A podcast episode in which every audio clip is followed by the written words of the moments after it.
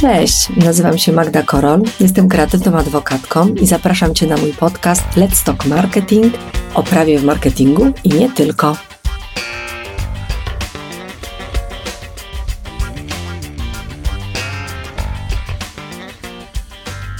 O czym Ci dziś opowiem? Omówię z Tobą 10 rzeczy, na które musisz zwrócić uwagę, żeby Twoja umowa marketingowa była dobrą umową. Cześć, witam Cię w kolejnym odcinku mojego podcastu i tytuł jest taki trochę zmuszający, na co musisz zwrócić uwagę, żeby Twoja umowa była dobrą umową, ale stwierdziłam, że zaproponuję Ci taki tytuł, dlatego żebyś wiedział, wiedziała, na co należy zwrócić uwagę, albo żeby włączały Ci się czerwone lampki, jeżeli zobaczysz coś innego w umowie zaproponowanej przez klienta. Dlatego, że umowa marketingowa co do zasady jest umową nienazwaną, umową mieszaną, umową zawierającą bardzo wiele elementów różnych umów z kodeksu cywilnego i tak naprawdę wiąże się z dość dużą swobodą, jeżeli chodzi o wpisywanie w nią różnych rzeczy, bo to najczęściej jest taki miks zlecenia i dzieła, albo samego zlecenia, albo samego dzieła.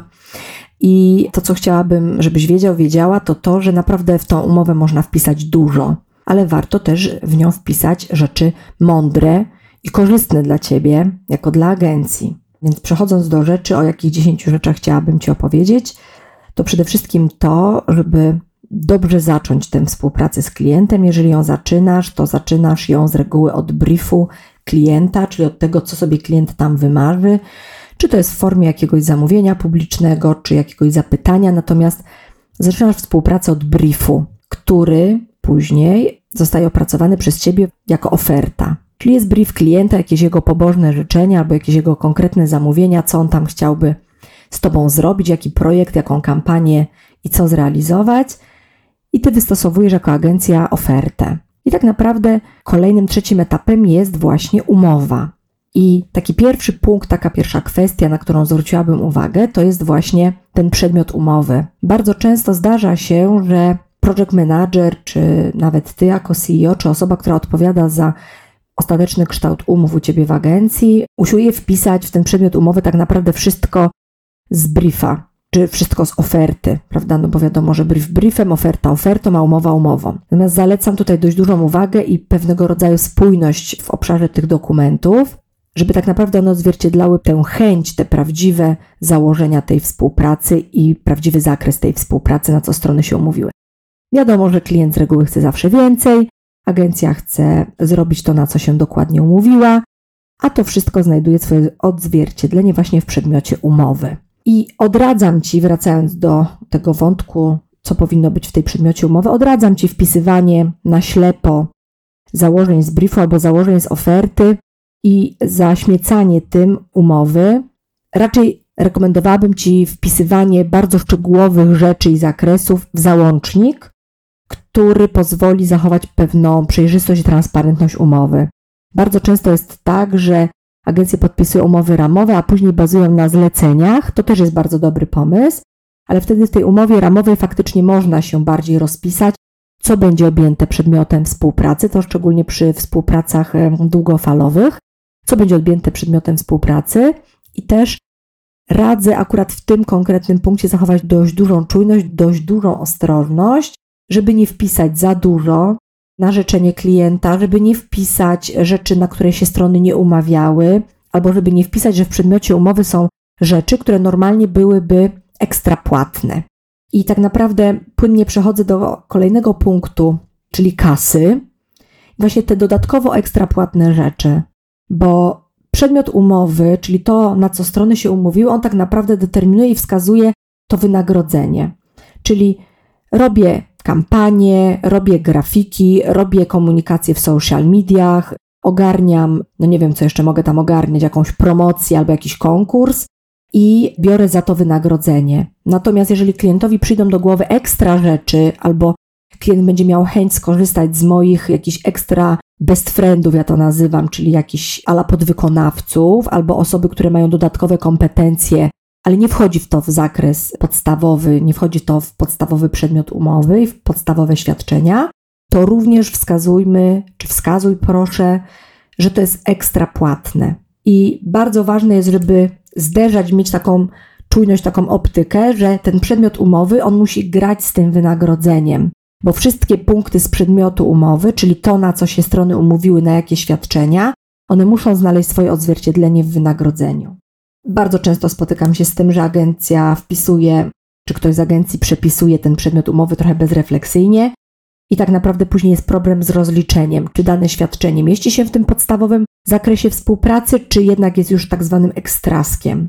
Tak samo bardzo ważna jest kwestia podwykonawców, czy podwykonawców agencja bierze na siebie i zaszywa ich wynagrodzenie w swoim wynagrodzeniu, czy podwykonawcy są ekstra płatni. To jest ta kolejna kwestia, już trzecia, na którą warto zwrócić uwagę. A jeżeli o podwykonawcach mowa, to znowu mam kolejny protip, kolejny punkt, już tym razem czwarty, że jeżeli korzystasz z podwykonawców, albo jeżeli ktoś wspiera Ciebie w Twoich działaniach, bo nie masz wszystkich kompetencji jako agencja, na przykład y, trzeba nakręcić jakiś materiał filmowy i musisz wejść na przykład we współpracę z jakimś na przykład domem produkcyjnym, albo ktoś Ci musi przygotować jakieś wybitnie wyjątkowe, oryginalne materiały, gdzie nie masz na pokładzie u siebie takich fachowców, no to wiadomo, że posługujesz się podwykonawcą. I to, co jest szalenie, szalenie ważne, to kwestia uregulowania wynagrodzenia tych podwykonawców, o czym już mówiłam, czy oni są ekstra płatni, czy ich wynagrodzenie jest zaszyte w wynagrodzeniu agencji i kwestia odpowiedzialności za tych podwykonawców, bo co jeżeli podwykonawca nie wyrobi się z terminem, zrobi materiał, który do niczego się nie nadaje, kto za to będzie ponosił odpowiedzialność? Równie ważną kwestią w kontekście podwykonawców jest to, że załóżmy, na przykładzie takiego podwykonawcy, jakim jest dom produkcyjny, to z reguły w domu produkcyjnym pracuje kilku ekspertów. I mamy osobę, która odpowiada za dźwięk, mamy osobę, która odpowiada za obraz, mamy osobę, która odpowiada za scenariusz, czasami za scenografię i tak dalej. I tutaj się pojawiają tak zwani współautorzy jakiegoś projektu. I teraz pytanie, czy ty jako agencja chcesz naprawdę wchodzić później w polemikę ze swoim klientem i składać oświadczenia, że ty dysponujesz zgodami wszystkich autorów, którzy tworzyli, załóżmy, dany materiał, czy lepiej jednak, żebyś wymusił na swoim podwykonawcy zapis, że to on bierze na siebie uzyskanie tych wszystkich zgód i on gwarantuje jako podwykonawca, że on te wszystkie zgody uzyska. Jest to bardzo ważna kwestia, która nie mieści się w samej głównej umowie marketingowej, ale ma przełożenie na ciebie w umowie marketingowej, bo ty oświadczasz potem klientowi w kontekście praw autorskich, że ty przenosisz na niego wszystkie prawa autorskie i że dysponujesz wszystkimi prawami autorskimi do materiałów wytworzonych. Na co będzie, jeżeli nie dysponujesz? Wiadomo, że w kontekście praw autorskich mam na myśli także licencje, bo nie zawsze jest tak, że przenosisz na klienta prawa autorskie, bo czasami korzystasz z materiałów objętych licencją. Więc znowu po raz kolejny NT 58 przypomnę, że nie można przenieść więcej praw niż się posiada, więc jeżeli masz brief klienta, jeżeli składasz ofertę, to zaznacz też w tej ofercie, no i oczywiście później w umowie, na które materiały ty będziesz miał prawa autorskie i będziesz mógł udzielić praw autorskich, przenieść te prawa autorskie na klienta, a kiedy będziesz dysponował tylko licencją. Bo wielokrotnie zdarza się później sytuacja, że klient wymusza na agencji przeniesienie praw autorskich, których agencja po prostu nie ma. I mamy wielkie zaskoczenie, ale jak to? No właśnie tak to że nie można przynieść więcej praw niż się posiada i skoro agencja ma licencję, to wyraźnie wskazuje, że ma licencję, a nie prawa autorskie i odwrotnie. Jeżeli chodzi o prawa autorskie, bo jakoś tak wszystko pięknie mi się teraz łączy w tym podcaście i wszystkie te punkty dotyczące umowy marketingowej jakoś tak pięknie mi płyną, to jeżeli chodzi o prawa autorskie, no to właśnie to jest ta kwestia, że ty w umowie agencyjnej składasz pewne oświadczenia, deklarujesz co do własności intelektualnej.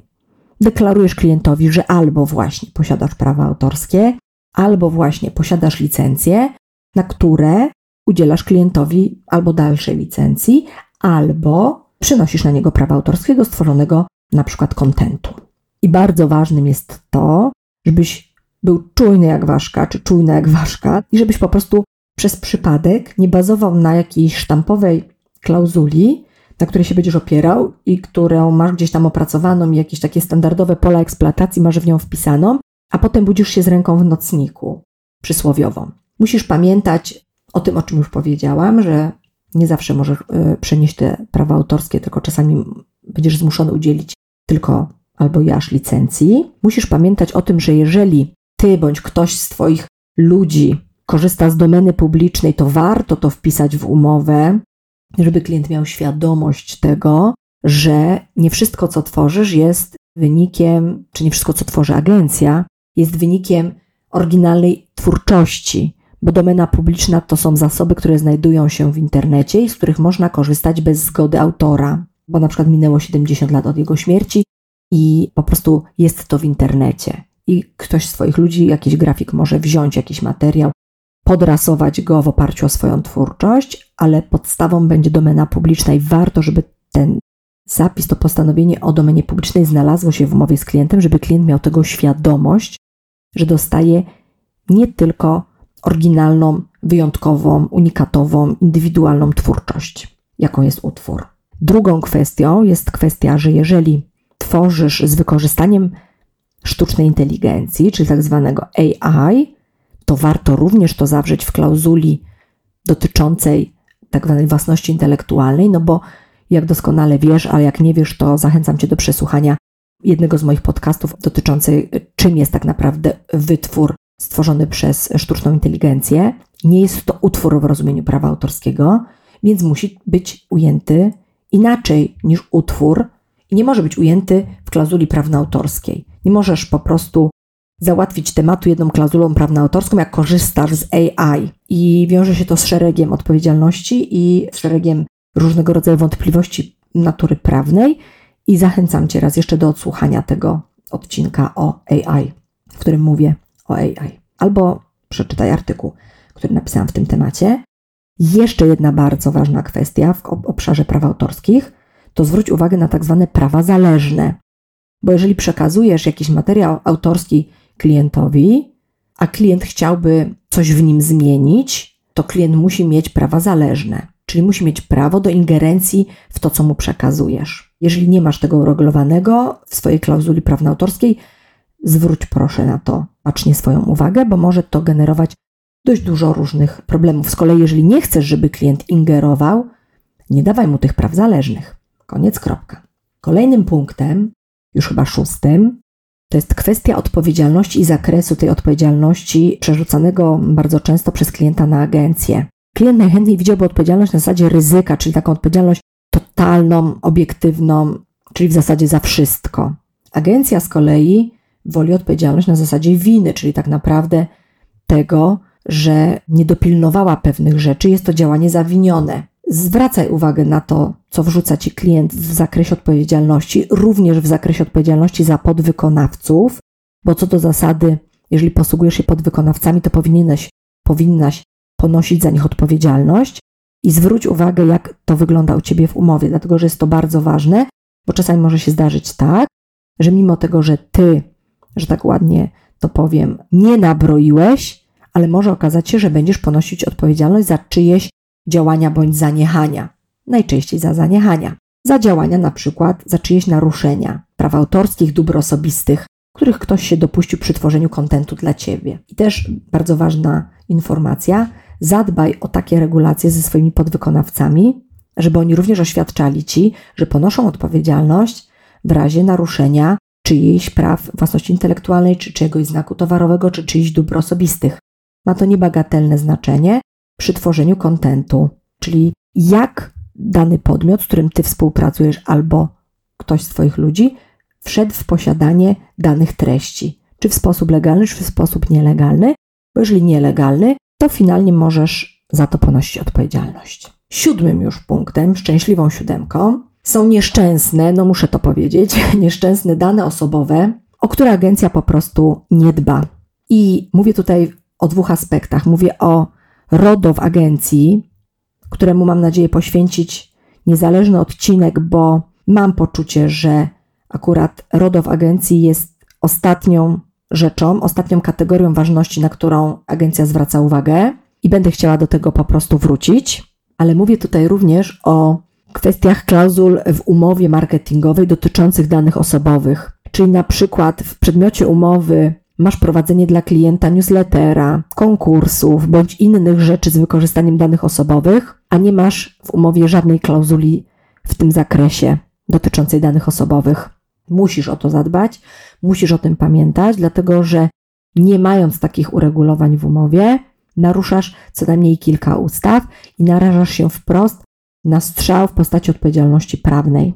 Kolejnym ósmym już punktem to jest kwestia informacji poufnych. Mam świadomość tego, że z jednej strony szastamy tymi NDA-kami na prawo i na lewo, a z drugiej strony, jeżeli przychodzi do egzekwowania tej NDA-ki, jest to ekstremalnie trudne, ale wydaje mi się, że zawsze warto wpisać jako takie memento taką poufność co do zasad współpracy, warunków współpracy, co do rzeczy, które są pewnego rodzaju know-howem, dlatego że im bardziej unikatowe będą te rzeczy, tym łatwiej będzie później udowodnić, że do ich naruszenia doszło, a poza tym zawsze jednak jest to taka presja na drugiej stronie wywierana, która jednak mówi: OK, oni zadbali o to bezpieczeństwo swoich informacji poufnych, którymi się dzielą ze mną. Wydaje mi się, że to już jest bardziej w wymiarze psychologicznym, ale również czasami faktycznym. A jeżeli chodzi o informacje poufne, to kolejnym punktem dziewiątym jest informacja o współpracy.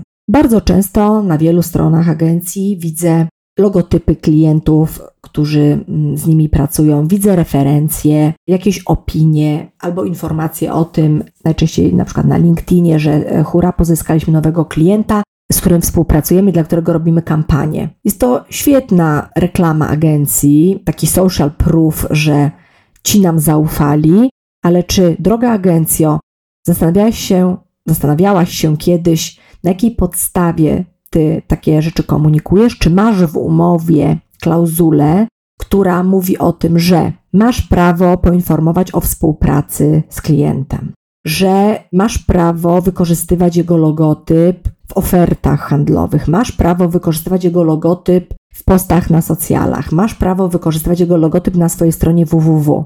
Niby oczywiste jest to, że masz do tego prawo, bo macie udaną współpracę z klientem, klient jest zadowolony, ale wierz mi, że nie jest to takie oczywiste i bardzo często jest jednak tak, że klient może sobie pewnych działań marketingowych swoim udziałem nie życzyć. I uważam, że warto opisać taką współpracę w obszarze tego marketingu i chwalenia się i budowania tej wiarygodności agencji poprzez adekwatną klauzulę. Warto to zbudować, bo wtedy masz spokój sumienia, że ty na pewno naprawdę możesz wykorzystać logo, zdjęcie prezesa, referencje, bądź poinformować na socjalach o współpracy w jakimś ważnym dla ciebie, istotnym albo interesującym dla ciebie kontekście. Poza tym, na wykorzystywanie znaków towarowych udziela się licencji i warto o to zadbać, że jeżeli posługujesz się brandem swojego klienta, to powinieneś mieć na to licencję. Kropka. Dziesiątym, ostatnim już punktem, a w zasadzie przedostatnim, bo jeszcze będę pewnie miał jakiś jeden bonus dla Ciebie, to jest czas trwania umowy. I to jest tak naprawdę postanowienie umowne, które jest tak trochę po macoszemu traktowane, a jednak jest ważne, dlatego że Wydaje mi się, że na początku współpracy powinieneś, powinnaś antycypować, co będzie, jeżeli ta współpraca, mówiąc po ludzku, nie pyknie, nie uda się, ta współpraca będzie ciężka, klient nie będzie współpracował, nie będzie przekazywał materiałów, będzie przetrzymywał pewne rzeczy, będzie kwestionował każdą rzecz, będzie nanosił milion, zylion uwag, będzie niezadowolony z tego, co ty mu dostarczasz i tak dalej. Warto o tym pomyśleć, przewidzieć możliwość rozwiązania umowy ze skróconym okresem, przewidzieć możliwość wypowiedzenia. Kwestie rozliczeń, o których już wspominałam, również mają niebagatelne znaczenie. Warto przewidzieć, w jaki sposób się rozliczacie, jeżeli współpraca będzie ulegać zakończeniu w środku danego projektu, czy wynagrodzenie jest płatne etapami i w momencie, kiedy rozwiązujesz umowę w danym etapie, to wynagrodzenie się należy. Ma to niebagatelne znaczenie. Przyjrzyj się tym klauzulom u siebie w umowie, bo one są ważne, po prostu. No i ostatni bonus to jest to, o czym mówię wielokrotnie, o czym kompletnie już nie pamiętasz i kompletnie tego nie czytasz. To są postanowienia końcowe, które co do zasady mówią o tym, że strony dążą do polubownego zakończenia zaistniałego ewentualnego pomiędzy nimi sporu, ale to są postanowienia, które mówią o sądzie właściwym. I zalecam Ci, żebyś zawsze wpisywał swój sąd właściwy jako agencji. Jeżeli to się nie udaje, to staraj się forsować sąd właściwy powoda. Bo oczywiście nie masz wpływu na to, że zostaniesz przez klienta pozwany, ale jeżeli sam byś chciał pozwać, to będzie to sąd właściwy dla Twojej siedziby.